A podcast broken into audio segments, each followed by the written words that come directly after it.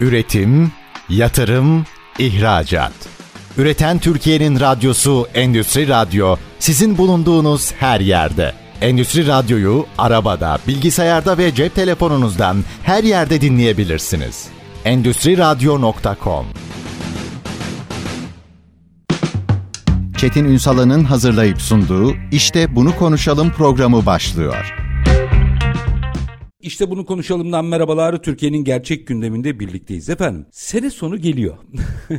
maaş artışları olacak. Çok basitten giriyorum. Bu tabii sırf maaş artışlarıyla alakalı bir konu değil. Bugün konuşacağımız ama çok gündeminizde olacak. Kime ne maaş artışı yapacağız? Bir takım belki de kariyerle ilgili atamalar yapacaksınız. Müdür belirleyeceksiniz, şef belirleyeceksiniz. Bunların hepsi yine gündemde. Yıl içerisinde aslında bir şirketin performansını o şirketin çalışanlarının performansı belirler. Verimlilik demiyorum özellikle çünkü Türkiye'deki verimlilik algısı personel sayısıyla doğru orantılı. Hayır öyle değil. Performans fayda maliyet hesabı. Bütün bunlar aslında o kadar hayati konular ki biz bugün biraz personel performans yönetimini konuşacağız. Hedef 360 ürün yöneticisi Fatih Şentürk. Bugün işte bunu konuşalımın konu. Sayın Şentürk yayınımıza hoş geldiniz. Hoş bulduk. Teşekkür ederim. Herkesin yanıtını aradığı soru değil mi? Tabii bugüne kadar aslında hani belki teknoloji bu kadar gelişmeden şöyle bir durum ortaya çıkıyordu. Kanaat, gözlem ama hepsi subjektif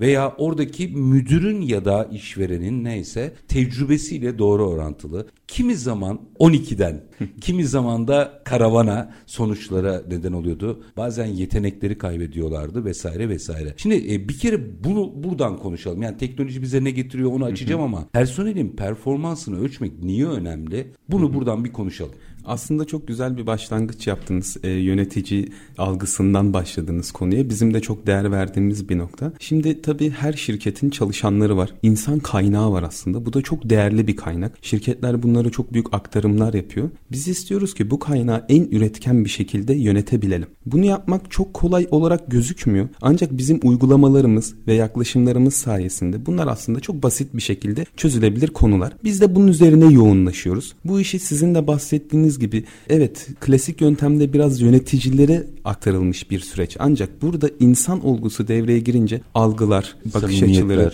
evet samimiyetler yani objektiflikten biraz uzaklaşıyoruz. Bizim de isteğimiz bunu biraz daha objektif hale getirelim ve burada şirketlerimizi daha verimli, daha üretken bir hale getirelim istiyoruz. Peki şöyle açacağız. Yani teknolojiyle nasıl mümkün onu konuşacağım ama aslında objektif dediğimizde karşımıza çıkan kriterler ne? Neye bakmamız lazım? Burada tabii ki tek bir kritere bakmıyoruz. Birkaç farklı kriterden konuyu ele alıyoruz. Çünkü karşımızda insan var, insan psikolojisi var. Buna değer veriyoruz. Bu çalışmalarımıza da yansıyor. E, bakmamız gereken noktalar öncelikle, önceliğimiz kişinin işi yapış biçimi. Hı hı. Yani burada rakama dökebildiğimiz noktalar varsa ki bunu çoğu zaman döküyoruz. Öncelikle o rakamları ele alıyoruz. Bu arkadaş bu işte ne kadar iyi kısmından. Daha sonrasında da bu işi yaparken çevresinde nasıl bir algı oluşturmuş. Bu da bizim için çok kıymetli. Hani bunu sadece yöneticisinin algısı olarak değil, iş arkadaşları nasıl görüyor? Belki farklı birimlerden, farklı departmanlardaki iş arkadaşları nasıl görüyor? Alt çalışanları bu kişiyi nasıl değerlendiriyor? Bunları göz önünde bulunduruyoruz. Pardon orada araya girmem lazım. Hı hı. Mesela orada ne yapılıyor? Çünkü o da subjektif bir şey. Hı hı. Anket mi yapılıyor? Soru mu soruluyor? Ne yapılıyor? Çok mesela? güzel bir noktaya değindiniz tekrardan. Burada bir anket yöntemi olabiliyor. Kişinin öncelikle görev tanımları bizim için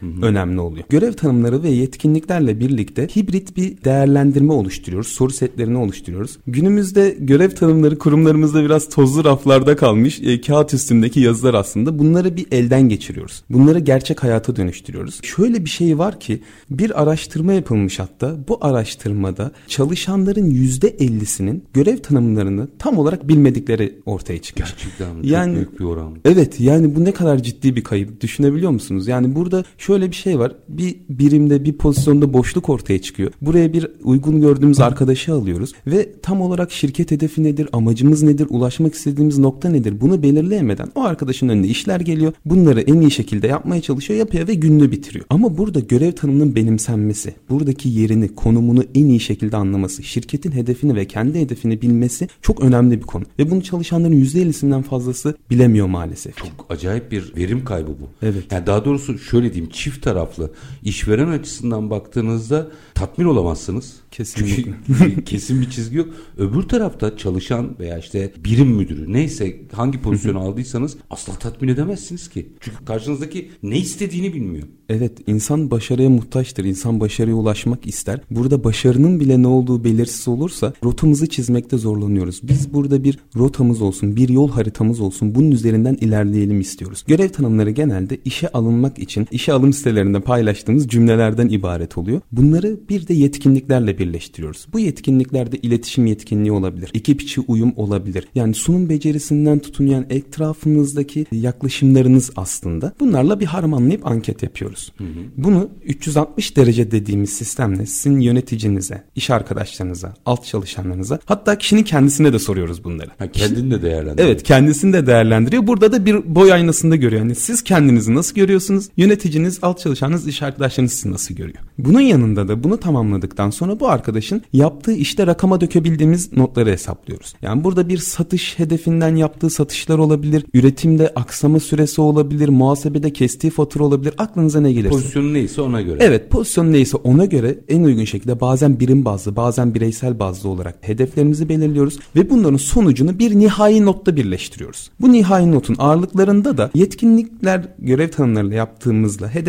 ağırlığı aynı olmuyor aslında. Bunları belirli bir oranda birleştirip bir sonuca döküyoruz. Aslında performansın en kısa tanımıyla ölçülmesi bu şekilde oluyor. Müthiş. Ben virgül atıp araya girdim. Devam edin lütfen o kriterleri birazcık daha belirleyelim. Nedir o kriterler diye. Yani şimdi burada dediğim gibi bu hedeflerimizi ölçtükten sonra aslında bu yetkinliklerimizde, görev tanımlarımızda şunu bakıyoruz. Çalışanlarımızla bazen bunu birebir, bazen bizim anahtar personel dediğimiz biraz daha üst kademede direktörlük olabilir, yönetici pozisyonda olabilir. Onlardan başlayıp aşağıya doğru organizasyon şemasında bir soruyoruz. Önce onlara soruyoruz. Siz ne yapıyorsunuz burada diye. Hani işiniz nedir? Nasıl tanımlarsınız bunu diye. Onlardan bir yazılı olarak alıyoruz. Sonra elde olana bir bakıyoruz. Bunları harmanlayıp ortaya bazı sorular çıkartıyoruz. Bu soruları da beşli Likert ölçeğinde değerlendiriyoruz. Bir Bize ankete dönüştürüyoruz. Onu açın bize. Evet, yani burada seçimler şirketlere bırakıyoruz biraz da ama çok iyi, çok kötü, orta, Tamam. beklenenin Beşlik altında gibi. hı. tamam. O şekilde ölçüyoruz. Daha sonrasında da burada rakamları doğru bir şekilde belirlemeye çalışıyoruz. Şimdi hedeflerde verilen rakamlar çok önemli.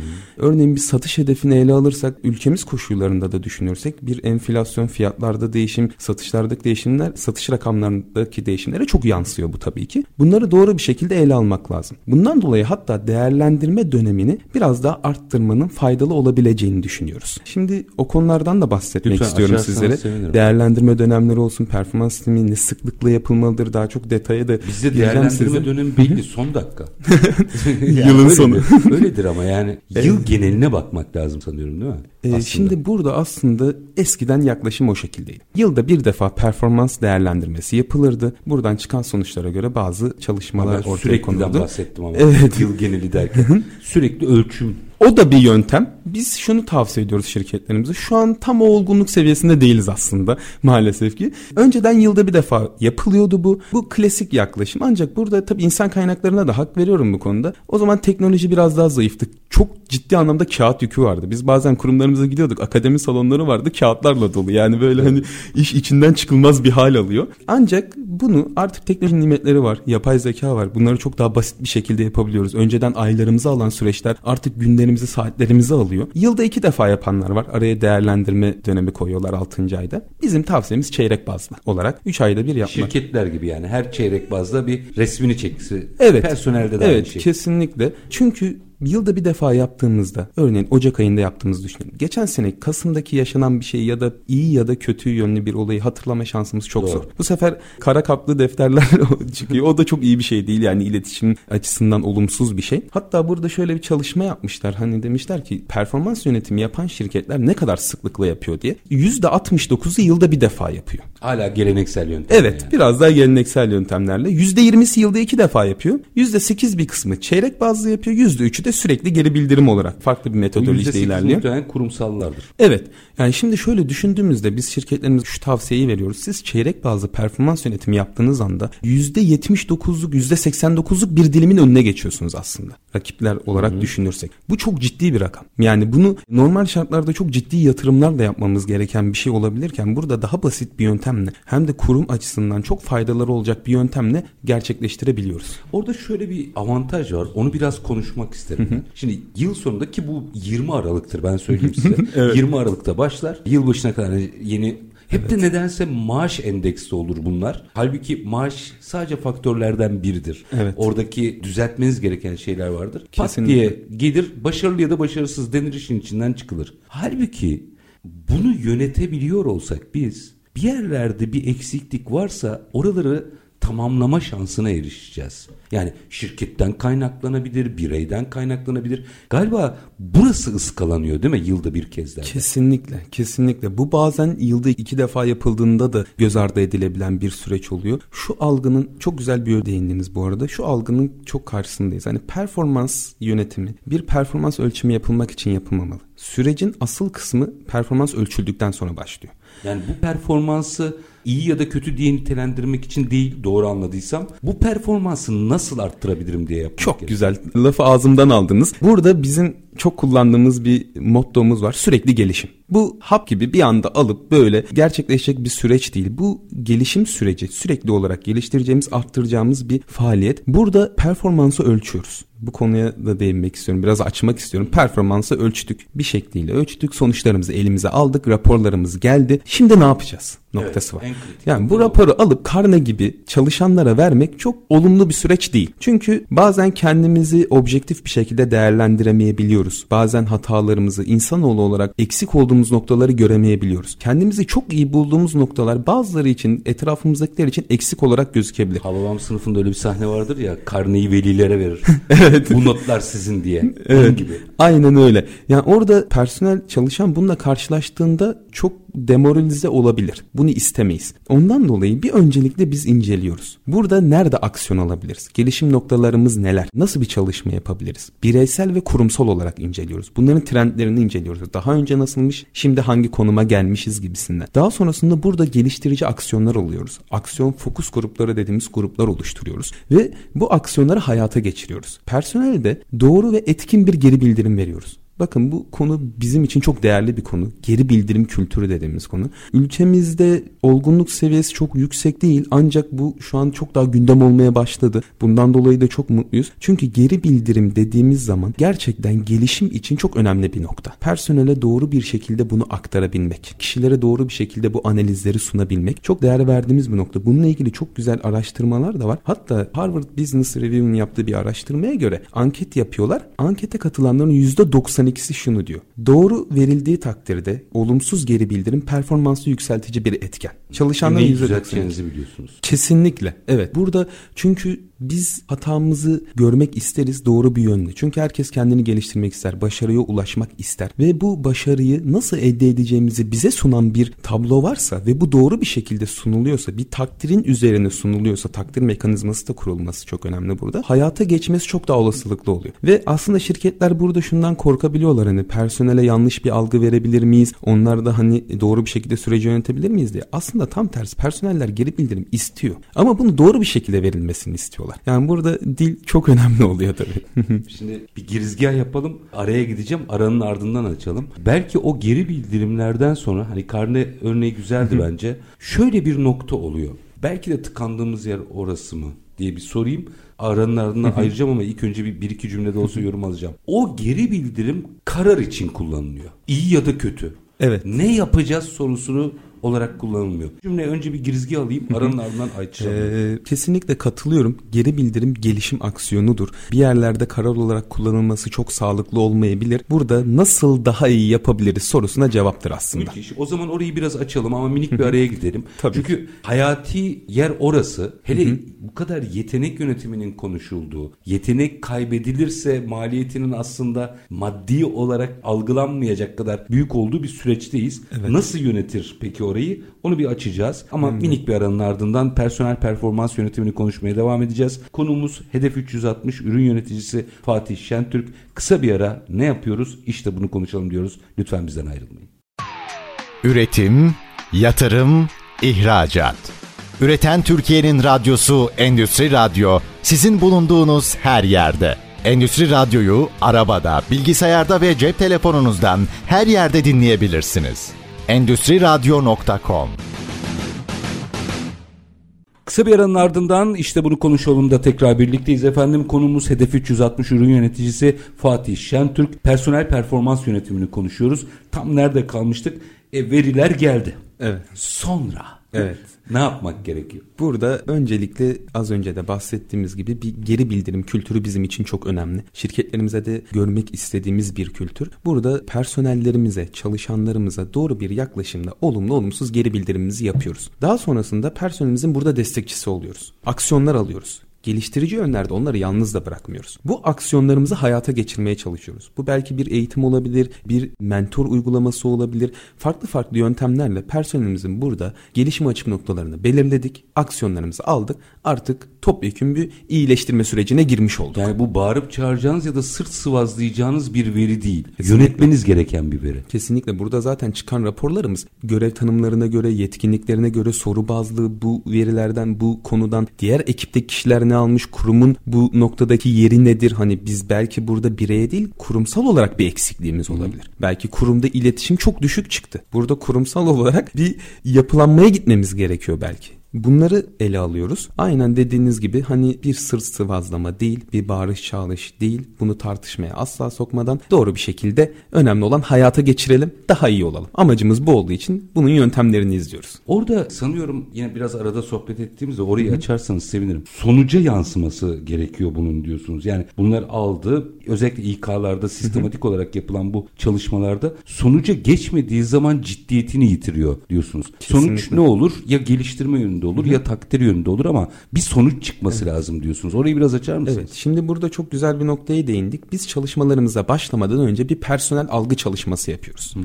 Bu algı çalışmasında şunu yapıyoruz. Bütün kurumdaki bu sisteme dahil olacak personellere amacımızın ne olduğunu anlatıyoruz önce. Niye bunu yapıyoruz? Niye bunu yapıyoruz? Bunu bilmeleri lazım. Yani bir çalışan olarak düşündüğümüzde bir anda önünüze anket geldiğinizde bir hani bir de değerlendirme anketi olduğu için ne bu diyorsun? Ne bu diyebiliriz. Onun için personel bunun bilgisini vermek lazım. Bunun gelişim açık yönlerimizi sürekli gelişim için bir yol olduğunu, kurumumuzun ve bireysel olarak daha iyi noktaya gelebilmemiz için bir araç olduğunu anlatıyoruz. Daha sonrasında amacımızın ne olmadığını anlatıyoruz yapıyoruz. Kesinlikle bir işten çıkartma değil buradaki amacımız. Ya da işte olumsuzlukları bulup oradan almak değil kesinlikle. Geliştirmek olduğunu söylüyoruz. Daha sonrasında personele bu algı çalışmasını yaptıktan sonra zaten personel biraz daha süreci bildiği için, sürece hakim olduğu için rahat oluyor. Ve bu süreci de istiyorlar zaten. Belki cevaplar bile daha şeffaf oluyor. Kesinlikle cevaplar da daha şeffaflaşıyor. Ciddiyet artıyor. Bunun hani onlar için geliştirici bir şey olduğunu bilmek onları da mutlu ediyor. Çünkü düşünün hani bunları yapıyoruz sonucunda bir eğitim alıyoruz, bir aksiyon alıyoruz, bir program başlatıyoruz. Bu onlar için de çok iyi oluyor ve kendilerini sürekli gelişiyor olarak hissediyorlar. Şirkete bağlılıkları artıyor, memnuniyetleri artıyor, ekip içi iletişim artıyor.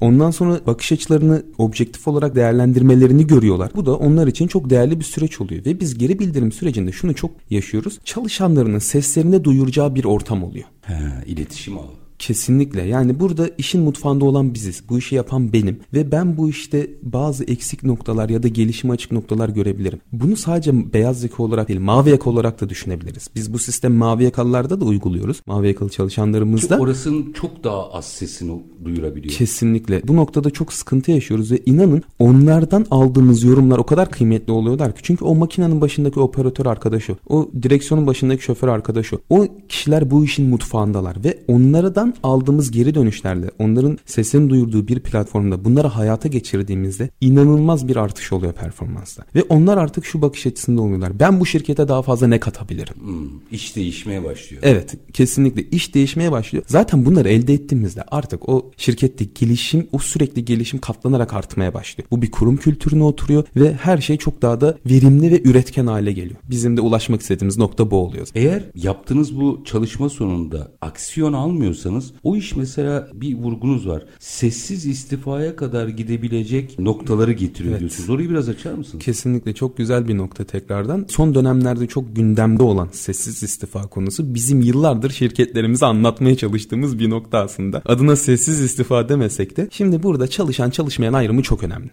Klasik yöntemde bizim bir işimiz var. Bu işimizi en iyi şekilde yapmaya çalıştığımızı düşünelim. Kendimize hedefler koyuyoruz, kendimizi geliştirmeye çalışıyoruz. Bu işi nasıl daha iyi yapabiliriz yollarını arıyoruz. Diğer tarafta da bir arkadaşımızı düşünelim hayali olarak. E, gündelik işlerini yapıp akşam mesaisini bitirip evine giden bir arkadaşımız. Eğer bu iki kişi arasında bir fark olmazsa bu kendine hedefler koyan, daha e, ileri planı götürmek isteyen, işlerini daha geliştirmek isteyen kişiye bir farkı olmazsa çalışmayan da bu arkadaş yavaşça onun yanına doğru kaymaya başlıyor. Zehirliyor yani aslında. Evet bu da sessiz istifaya yol açıyor. Artık diyorsunuz ki benim yaptığım şeylerin bir önemi yok. Beni duyan çok kimse de yok. E, yaptığım şeyler hayata da geçmiyor. Madem öyle niye bunun için bu kadar çaba sarf edeyime geliyoruz? Veya şirket değiştiriyoruz. Zaten genelde şöyle bir şey var. İstifa edenlerin bir kısmı hani oradaki eksikliklerden dolayı istifa ediyorlar. Yani hani böyle bir yüzdelik var bunu kaybetmek istemiyoruz. Çünkü o kişiler çok değerli kişiler. Doğru. Yani konfor alanında olan kişiler zaten orada kalıyor. Yıllarca da devam edebiliyor. O konfor alanına çıkmak isteyen kişiler bunu başaramadıklarında iş değişimine gidiyorlar. Bunları kaybetmek istemiyoruz ve inanın kişiler kendilerini bu işi en iyi şekilde yapmaya yetkilendirmiş olarak hissediyorlar. Orada adalet nasıl sağlanacak? Biraz şunu açmak isterim. Yıllar önce daha ben öğrenciyken rahmetli pederin işleri vergi dairesine gidermiş. Hangi vergi dairesi olduğunu söylemeyeyim. şey olmasın yani kimse üstüne alınmasın diye söylüyorum. Bir gün benim oradaki bankodaki memurla şöyle bir diyalogum oldu. Çok uzun bir kuyruk var. Hepimiz bekliyoruz. Arkada beş kişi. Kimi sohbet ediyor, kimi bilmem ne yapıyor falan. Sıra bana geldi dedim ki niye çalışıyorsun dedim. İşimi yapıyorum dedi. Bak dedim onlar çalışmıyor. Ben yapayım dedi. Şimdi baktığınızda evet güzel bir şey yapıyor. Sorumluluğunu yerine getiriyor. Ama ve lakin o dört kişi yatıp o bir kişi çalıştığı için sistem sanki yürüyormuş gibi gözüküyor ve iş tıkanıyor. Dedim ki sen de çalışmasan daha 17-18 yaşındayım. Sen de çalışmasan iş duracak ve burada bir sorun olduğu anlaşılacak. Şimdi bu dengeleri nasıl sağlayacak? Yani o arkada yatan dört kişiyi tespit etmek bu yöntemle mümkün mü? Kesinlikle mümkün. Zaten amacımız bu. Burada bizim farklı farklı noktalardan konuyu ele almamız çok önemli. Tek bir noktadan değil. Yani o arkadaşı iş arkadaşlarına sorsak belki bu ortaya çıkmayacak. Ama alt çalışanına, yöneticilerine, kişinin kendisine yaptığı işe dökebildiğimiz rakamlara. Yani şöyle bir algı var maalesef ki bunu da yıkmak istiyorum. İşi rakama dökmek çok zor gibi gözüküyor. Aslında basit bir süreç. En kolayı o artık. Evet yani hani mesela şey böyle insan kaynaklarındaki arkadaşlarla konuşuyoruz hani mesela insan kaynağını nasıl rakama dökeceğiz? Her birimi dökebiliyoruz. Orada soru işareti olmasın. Yani bunları rakama döktüğümüz noktalarda farklı farklı yönlerden ele aldığımızda zaten bu nasıl diyeyim tabiri caizse kabak gibi ortaya çıkıyor yani buradaki şeyler. Zaten geri bildirim görüşmelerinde de kişinin işine ne kadar hakim olduğu, ne kadar iş yaptığı, bu seslerini duyurduğu noktalarda bunları çok rahat ortaya çıkarabiliyoruz. İletişim burada çok önemli. Bakın yani şöyle bir, bir araştırma yapmışlar ve şu ortaya çıkmış. Çalışan ve yöneticilerin %86'sı başarısızlığın ana nedeni olarak niye görüyorlarmış biliyor Neymiş? musunuz? Zayıf işbirliği ve verimsiz iletişim. Yani işi yapamama, bu konuda uzman olma ya da işte malzeme eksikliği, bütçe hepsi bir kenara. İletişim ve işbirliğinin olmaması başarısızlığın ana nedeni olarak görmüşler. Çok enteresan bir tespit. Çok enteresan. Yani bunları açığa çıkartmak çok değerli. Artı çok yönetilebilir bir şey. Çok da yönetilebilir. Yani zor bir süreç de değil. Yani bu süreçleri çok kolay bir şekilde bir süreç halinde yine bir vakit bir zaman periyodu halinde hayata döktüğümüzde bu gelişimleri elde etme fırsatımız varken burada şirketlerimizi rakiplerinden çok daha öne dünya çapında bir yere getirme durumumuz varken bunu kullanmak istiyoruz aslında. Amacımız bu zaten. Peki yine önemli kriterlerden biri. Deminki örnekten yola çıktık. Oradan devam edeceğim. O çalışana geleceğim. Takdir mekanizması. Şimdi takdir Evet. çok subjektif bir şey. Evet. O nasıl yönetilmeli? Nasıl takdir edilir çalışan, verimli biri? Burada farklı farklı yöntemlerimiz var. Burada bir ödül sistemini ortaya koyabiliriz. Zaten sözlü takdiri sayıyorum. Hani orada büyüklerimizin söylediği çok güzel bir söz var. Marifet iltifata tabidir diye. Hani onu bir kenara koyuyorum. Bunun yanında ödüllendirme sistemimiz var. Ödüllendirme sistemi deyince yönetim kadrosu biraz böyle bir kenara çekiliyorlar. Yani orada çünkü işin vereceksin? içine para geliyor. Ancak Bu para olmayabilir. Kesinlikle tam oraya gelecektim. Bu para olmayabilir. Burada zorunda değiliz. İnanın vereceğimiz bir hediye kalem, bir bardak bile burada farkı ortaya koyuyor. Çalışan en azından diyor ki bu bilindi. Burada tabii ki bir prim sistemimiz olabilir ki birçok firma aslında şu anda uygulamaya başlıyor. Uygulayanlar da var. Burada primle ortaya çıkabilir yine aynı şekilde ve bu süreçleri iyi yönetmek gerçekten önemli. Yani zaten geleneksel yaklaşımdan, klasik yaklaşımdan uzaklaşmak istememizin sebepleri bunlar. Yani bir aksiyon almadığımızda bakın bunların hepsi bir köşede kaldı. Burada çok ilginç bir şey var. Klasik yaklaşım performansı düşürdüğünü söylüyorlar. Yani performansı yükseltmesinden ziyade bir düşüklüğe sebep olduğunu. Çünkü artık buradaki algı ve inanç azalmaya başlıyor. Kuruma olan inanç da biraz düşebiliyor. Bir de tespitler subjektif olunca mobbinge kadar gidebilecek süreçler başlıyor. Kesinlikle. Geleneksel yöntemde. Kesinlikle. Ya yani oradaki tabii yöneticinin vasfıyla alakalı bir şey ama evet. galiba herkesin istediği bu dönemde bu kadar dijitalleştiğimiz bir çağda şeffaf bir değerlendirme. Kesinlikle. Bunu sağlamak da yine kolay. Zaten dediğim gibi teknolojinin nimetleri var. Yani artık teknoloji çok gelişti. 2022 yılında gerçekten elimizde her türlü şeyi sağlayabiliyoruz. Burada zaten teknoloji de ürünler de bize bazı şeyleri veriyor. Yani burada kurduğumuz basit bir algoritmayla şüpheli anketler ortaya çıkabiliyor zaten. Bütün bunları yazılımla yapıyoruz değil mi? Evet yani bu bahsettiğimiz kısım yazılım kısmı. Biz çalışanlar o algı çalışmasını yaparken bunu da söylüyoruz zaten. Bakın hani bir şüpheli anket kısmı var. Hani kimse o şüpheli konuma düşmek istemez. Herkes bu işi olabildiğince hakkaniyetle yapsın olarak söylüyoruz. Zaten burayla ilgili inanın çok bir sıkıntı yaşamıyoruz. Yani şüpheli anketi nasıl tespit ediyor onu merak ettim. Yani orada bir algoritma var tabii ki ama detayına inersek de verilen notların çarpıklığı. Sorular sorarken biz orada çapraz sorular ha, da çapraz soruyoruz. Sorular. Evet bunlar da var. Bunun yanı sıra o arkadaş bir konuda böyle sürekli bir düşük veriyorsa ya da herkesin iyi verdiği bir noktada birisi çok düşük Düşük görüyorsa varsa. bunun bir içine girmek lazım. Detayına girmek lazım. Ya orada şüpheli bir durum var ya da gerçeği görebilen tek kişi o gibi. Ha. Hani detayına girmek lazım. Olumlu olumsuz. Tabii ki iki yani. taraf da olabilir. Yani diğer herkes görmezden görmezden gelip Hı-hı. o görüyor da olabilir. Evet. Yani ön yargıyla da bakmamak evet. lazım o sonuca diyorsun. Kesinlikle ön yargıyla da bakmamak lazım. Zaten burada bizim yürüttüğümüz yaklaşımda şöyle bir şey var. Biz çalışanları her değerlendirme döneminde hani kendi ekibi dışında farklı kişileri de katıyoruz. Hani sadece kendi ekibi değil, diğer yerden, diğer departmanlardan nasıl gözüküyor ve burada farklı kişileri de ele alıyoruz ki karşılıklı anlaşma olmasın. Kişiler değerlendirme yapacağı dönemlerde kimin onu değerlendireceğini bilmiyor. Güzel. O yapay zekanın kurguladığı bir sistem. Onu da tabii ki arka planda biz bir düzenleme yapıyoruz. O düzenleme çerçevesinde bunlar soruluyor.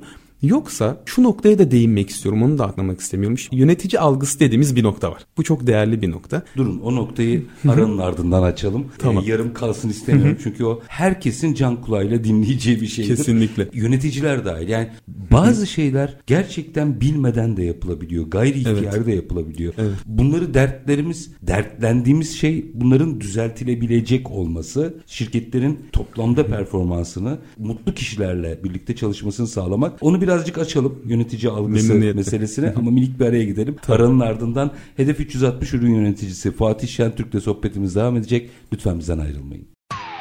Üretim, yatırım, ihracat. Üreten Türkiye'nin radyosu Endüstri Radyo sizin bulunduğunuz her yerde. Endüstri Radyo'yu arabada, bilgisayarda ve cep telefonunuzdan her yerde dinleyebilirsiniz. Endüstri Radyo.com Kısa bir aranın ardından işte bunu konuşalım diyoruz. Personel performans yönetimini mercek altına alıyoruz. Konumuz Hedef 360 ürün yöneticisi Fatih Şentürk. Araya gitmeden önce dediniz ki yönetici algısı kritik evet. nokta. Ben dedim ki bir dakika yarım kalmasın. Hadi devam edelim. Niye kritik nokta? Şimdi burada bahsettiğimiz gibi geleneksel yöntemlerde eğer ki sizin performansını ya da çalışma biçiminizi ortaya döken bir nokta yoksa burada fokuslandığımız durum yöneticinin algısı oluyor. Bizim yapmamız gereken bir iş var. Belki kendimize ait fikirlerimiz var. Bunlar çok değerli fikirler, gelişime açık noktalar buluyoruz. Daha ileriye götürebilmenin yollarını buluyoruz. Ancak eğer ki bunlar bir bahsettiğimiz gibi hayatta yer bulmuyorsa bu sefer şuna bakıyoruz. Yönetici algısı bu durumda nedir? Yöneticimizin algısını oynamaya başlıyoruz aslında bir nevi. Çünkü kendimizi bir şekilde hani başarıya ulaşmamız lazım. Manipüle etmeye başlıyoruz. Evet yani. yani bu sefer bu iş nasıl daha iyi olur değil de yöneticim nasıl beğenir kısmına hmm. gitmeye Size başlıyor. ne lazım? Evet. evet orada yönetici algısına oynamaya başlıyoruz. Bu da istemediğimiz bir şey. Çünkü herkesin fikirleri çok değerli. Herkes farklı bir bakış açısından bakıyor. O yüzden aslında bu yöntemler çok kıymetli oluyor. Hmm. Bu sefer herkesin fikirleri bu konuyla alakalı gelişmeleri gelişim noktaları ortaya çıkıyor. Bunları değerlendiriyoruz. Bir süzgeçten geçirdikten sonra hayata koyuyoruz ve çok ciddi verimler alıyoruz burada. Aşağı yukarı araştırmalar bize ne gösteriyor? Yani sanıyorum dünyada da uygulanan yöntemler Hı-hı. bunlar. Bir takım araştırmalar, veriler şöyle hani ortaya koyarsak belki mesela Fortune'dan evet. sanıyorum bir rakam, bir evet. araştırmadan bahsetmiştiniz. Onu dinleyicilerimizle de paylaşırsak ee, sevinirim. Şöyle ki Amerika'da Fortune 500 şirketlerin %85'inden fazlası performans yönetimi ve geri bildirim sürecini uyguluyor. Yani bu şirketler dünyaya hakim olan şirketler, dünya devleri şirketler. Burada artık bu süreçler çok daha şeffaf ilerliyor. Hatta bunlar anlık geri bildirime de dayanmış bir boyutta. Yani hani sürekli olarak değerlendirme yapabildiğiniz ki mesela ülkemizde bankacılık sektörü çok ileri bir seviyede, dünyada da iyi bir seviyedeyiz iyi bir o konuda. Çoğu bankaların, çoğu bankada bu sistem hayati bir konumda. Yani sizin terfininden tutun maaşınıza kadar yani kurumdaki konumunuzu belirleyen nokta performans sistemi oluyor bir üçleme yapıyorsunuz. Tamam. Hı hı. Dünyadakiler kullanıyor ama bu şimdi dünyadaki deyince şöyle bir algı çıkacak. Ben Kobe'yim ya benimle ne ilgisi var? Herkeste ilgisi var değil mi? Kesinlikle. Yani bunu 50 çalışanınız da olsa, 500 çalışanınız da olsa sonuçta o konumda her şeyi iyileştirmek için bir noktamız oluyor. Mutlaka hatta orada daha çok işimize yarıyor. Yani bizim holding düzeyinden tutun kobi düzeyine kadar müşterilerimiz var. Bizim kobilerde yaptığımız ufak bir değişiklik bile çok büyük sonuçlara sebebiyet Tabii veriyor. orada çarpan etkisi çok Evet daha çarpan etkisi, etkisi çok daha fazla ve burada e, ciddi kazanımlar elde ediyoruz. Hatta burada kobilerimizin daha destekçisiyiz. Onlarda gelişime açık çok fazla yön oluyor. Çok fazla potansiyel oluyor. O potansiyeli açığa çıkarttığımızda çok değerli kazanımlar elde ediyoruz. Şimdi bir kez daha hatırlatalım ve orayı açalım. Bu bir ceza tespit mekanizması değil. Kesinlikle Bu, değil kullanılmayan Hı-hı. potansiyelin verimliliğe dönüşmesi evet. mekanizması. Yanlış mıyım? Evet doğru. Bir gün bir müşterimizle görüşmeye gitmiştik. Bu süreçleri uygulamayla ilgili. Daha sürece başlamamıştık. O gün de tesadüfen emekliliğe ayrılan bir usta geldi. Müdürünün odasını, yöneticisinin odasını işte veda etmeye. O sırada çok trajikomik bir olaya şahit olduk aslında. Usta dedi ki yani ben gidiyorum yani hoşça kal vedalaşıyorlar falan. O sırada şey konusunu açtı. Ya dedi beni dedi niye ustabaşı yapmadın dedi. Aa, çok güzel. Evet, emekli yani, evet yani soruyor.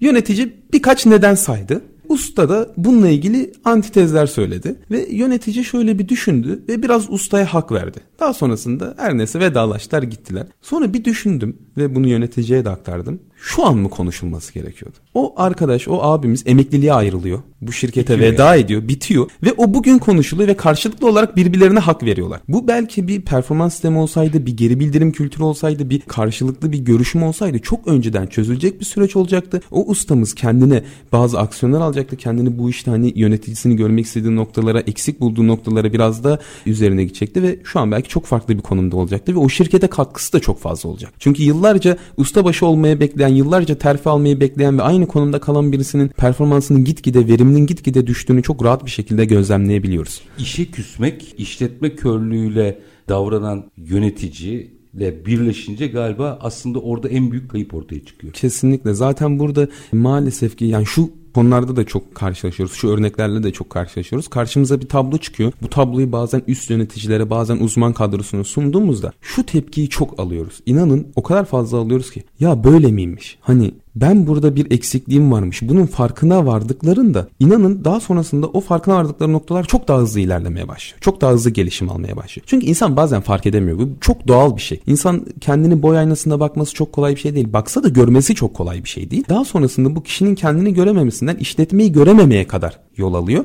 Ve işletme körlüğü çok bariz bir şekilde ortaya çıkabiliyor. Yani aslında çoğu diyelim mutlaka münferit örnekler vardır ama çoğu insan kötü niyetli değil. Değil tabii ki. Herkes orada kurumu için kendisi için en iyi şeyi yapmaya çalışıyor. Sahibinden en az kademedekine kadar İletişim sanıyorum burada bu veri iletişimi arttırıyor anladığım kadarıyla. Sır çok, orada galiba. çok fazla arttırıyor. Yani burada iletişim çok daha farklı boyutlara geliyor ve iletişim olumlu anlamda farklı boyutlara geliyor. Zaten burada bir olumsuzluğa izin vermiyoruz. Onu yol açacak kapıları da kapatıyoruz. Ona çok şey yapmıyoruz. İhtiyaç olduğu noktalarda yöneticilere geri bildirim eğitimleri veriyoruz. Personel onlar verecekler bazen. Bazen burada assessment dediğimiz yani yöneticiyle birebir bunun örneklendirme çalışmasını yapıyoruz. Yani yöneticiyi alıyoruz, alt çalışanını alıyoruz, alt çalışanına biz geri bildirim görüşmesi yapıyoruz. Yönetici oradan mesela bunu tiyatrolaştırılmış bir şekilde görüyor, gerçek bir şekilde görüyor ve diğer personellere buna nazaran ilerliyor, görüşmelerini gerçekleştiriyor. Vaka aktarabilir misiniz bize isim vermeden tabii. Böyle öncesi ve sonrası vakaları aktarabilir misiniz böyle bir iki tane? Şunlarla çok karşılaşıyoruz. Yine bir örnek vermem gerekirse mesela bir kurumumuzda bir personelimiz yine tekrardan e, bir pozisyona gelmek istiyor. Yani bir şef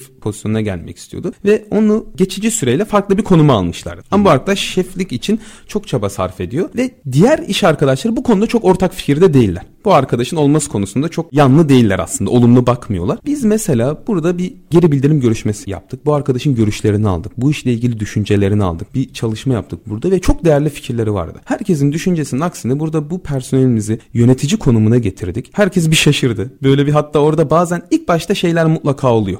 Hani evet yani işte hani olmamalıydı bak kötü şeyler olacak gibisinden.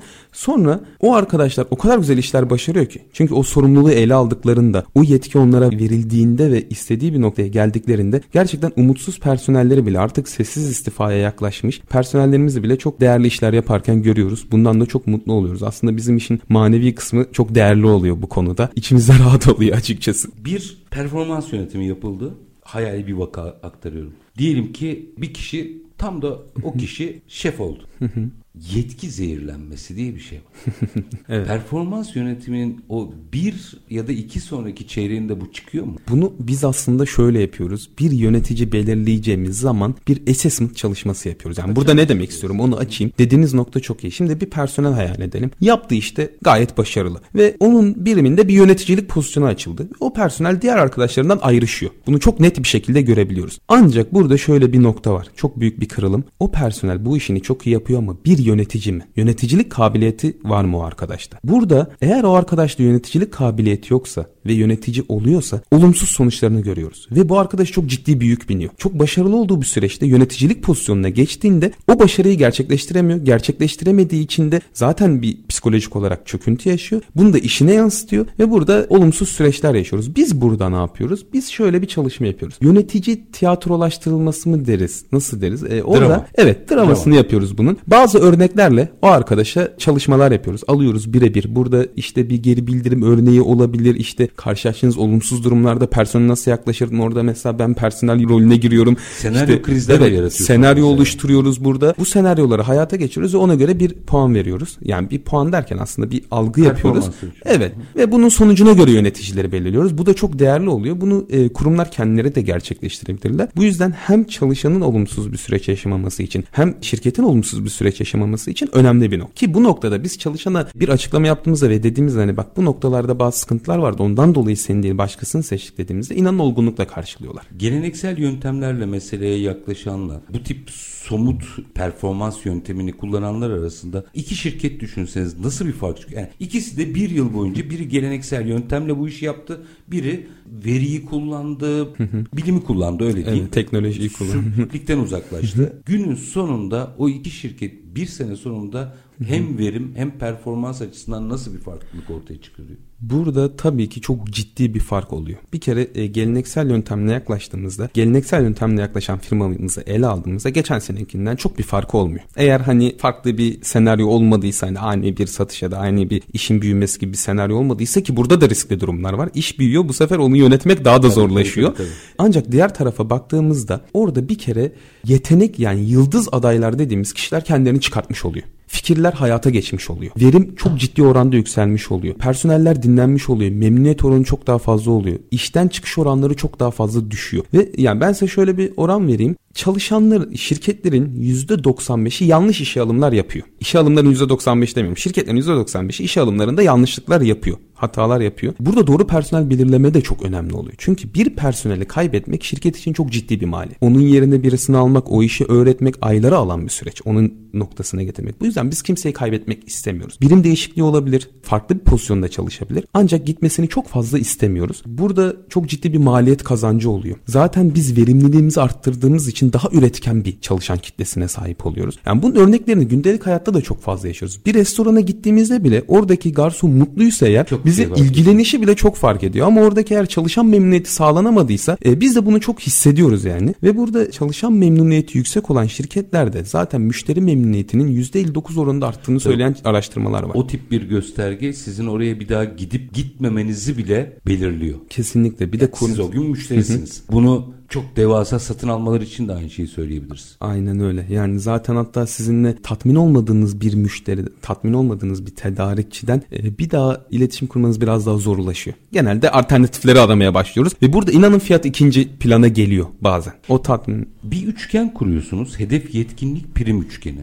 Bunu böyle biraz daha somutlaştırabilir misiniz? Çünkü bu üçgen kurulduğuna göre prim evet, yetkinlik tamam, hedef tamam ama hayır somut yani ne anlamamız gerekiyor bundan? Bundan ne anlamamız gerekiyor? Öncelikle sizin görev tanımlarınızı, yetkinliklerinizi orada ikisini bir arada tutuyoruz. Ölçelim. Sizin iş yapış biçiminizi, algısı nedir? Bunu görelim. Daha sonra da sizin kendinizin işe yaklaşımı yaptığınız başarılarınız nedir? Bunları rakama dökelim ve buradan sonucunda size ödüllendirelim. Bunların karşılığını verelim. Aynen öyle. En çok direnç hangi noktada oluyor? Ya gittiniz anladınız mesela. Evet. Nerede başlıyor direnç? Bana- Nasıl kırılıyor? Bana biraz kızabilirler ama burada insan kaynaklarında bazen dirençle karşılaşabiliyoruz. Haklılar ama aslında biraz yanlış bakış açısından dolayı bu süreçler öncelikle çok zor gibi gözüküyor. Ancak çok basit süreçler. Daha önce de örneğini verdim. Çalışanların sadece %11'inin performans sistemine karşı çıkma ihtimali olduğu gözüküyor. %89, %90'lık bir kısmı bunu istiyorlar. Mutlu olur zaten. Evet. Yani burada bazen maliyetler biraz şey yapabiliyor. Ancak biz zaten şirketlerimize şunu diyoruz. Maliyetinize yani bu iş harcadığınız maliyetten çok daha fazla kazanınız olacak. Yani bunu hani garanti etmek zor ama ona yakın bir yaklaşımda şirketlerimize bunu aktarıyoruz. Bazen yönetim kısmından hani bu tarz şeyler olabiliyor. Çünkü böyle kemer sıkma dönemlerinde ilk böyle şey yapılan konular bunlar En olabiliyor. büyük hata da orada oluyor Evet zaten. maalesef ki aslında buradaki kazanımlar maddi olarak çok daha fazla. Yani aslında şöyle belki bunu konuşarak bitirmek lazım. Bir şeyin çıktısı çok önemli. Kesinlikle. Ölçemediğiniz şeyi yönetemezsiniz doğru mu? Kesinlikle bu bizim en çok kullandığımız mottolardan bir tanesi. Ölçelim, yönetelim. Personeli yönetmek istiyorsak önce bir ölçmemiz lazım. Burada algıya bırakmamamız lazım. Bunu ölçelim, daha sonrasında yönetelim, daha sonrasında hayata geçirelim. İnanın biz şirketlerimizi çok daha ileri seviyelere getirdik. Bunun hedefimiz bu yönde. Yaptığımız işin maddi manevi kazanımları çok fazla. O çalışanla sıkıntı yaşadıktan, sıkıntı yaşamış bir durumda dağılmış bir ortamı toparlamanın vermiş olduğu az gerçekten çok güzel. Amacımız bu yönde. Çalışmalarımıza devam ediyoruz. Çok daha güzel noktalara geleceğiz. İnsan kaynakları artık çok daha merkezi bir konumda. Önceden operasyonel yükün altında boğulmuş maaşlar, bordrolar, izinler, hukuki tarafları bunlarla uğraşan bir departmanken artık çok daha merkezi bir noktada. işin mutfağında. Zaten bunu da görüyoruz ki işte insan kaynaklarından sorumlu genel müdür yardımcıları, direktörleri, CHRO'lar dediğimiz kavramlar ortaya çıkmış vaziyette. İnsan kaynakları artık direkt olarak yönetime bağlanmış konumda. Her şey çok daha güzel olacak, daha ileriye gidecek. Yani adı insan kaynakları oldu ama zaman zaman uygulamalar nedeniyle anladığım kadarıyla personel yönetimi e, Evet. kalmaya devam etmiş. Evet. Şimdi teknolojiyle o da aşılıyor Evet artık kadarıyla. insan kaynağını yönetebilir noktaya geliyoruz. Harikasınız. Sayın Şentürk çok teşekkür ederim. Çok keyifliydi. Ben teşekkür Bunu ederim. böyle daha konuşsak bir sürü vakalarla saatlerce de konuşabiliriz ama bir algıyı bozmamız gerekiyor sanıyorum. Artık bence diye bir şey yok. Teknolojiyle buna gerek yok. Bunları ölçüp ona Evet. göre verimlilik hesabı yapmamız gerekiyor. Son bir cümleyle bitirebilirim. Biz burada yöneticilerimize şunu söylüyoruz. Kurumuna değer veren yönetici süreçlerine yatırım yapar. Süreçler kişiye değil birimlere bağlı olmalı. Gerçekten bu yüzden değer gören bir nokta olduğunu düşünüyoruz. Bu çok önemli. E, çünkü şirketleri böyle yönetirsek sektörler, sektörleri böyle yönetirsek de ülke ekonomisi bir Kesinlikle, yere gelecek. Katma kesinlikle. değer, performans hepsi ortaya çıkacak. Hedef 360 ürün yöneticisi Fatih Şentürk. Çok teşekkür ediyorum. Ben teşekkür ederim. Var olun. Sağ olun. Efendim bugün personel performans yönetimini konuştuk. Aslında hep konuştuğumuz fayda maliyet hesabı e, burada gizli. Yani bence evet eskiden mümkündü çünkü alternatifi yoktu. Ama bugün yani bir makinenizin performansını bile ölçebilirken e, niye aynı şeyi insan kaynağınız için yapmıyorsunuz diye sorup her zamanki gibi bitirim. İşinizi konuşun, işinizle konuşun. Sonra gelin işte bunu konuşalım. Hoşçakalın efendim.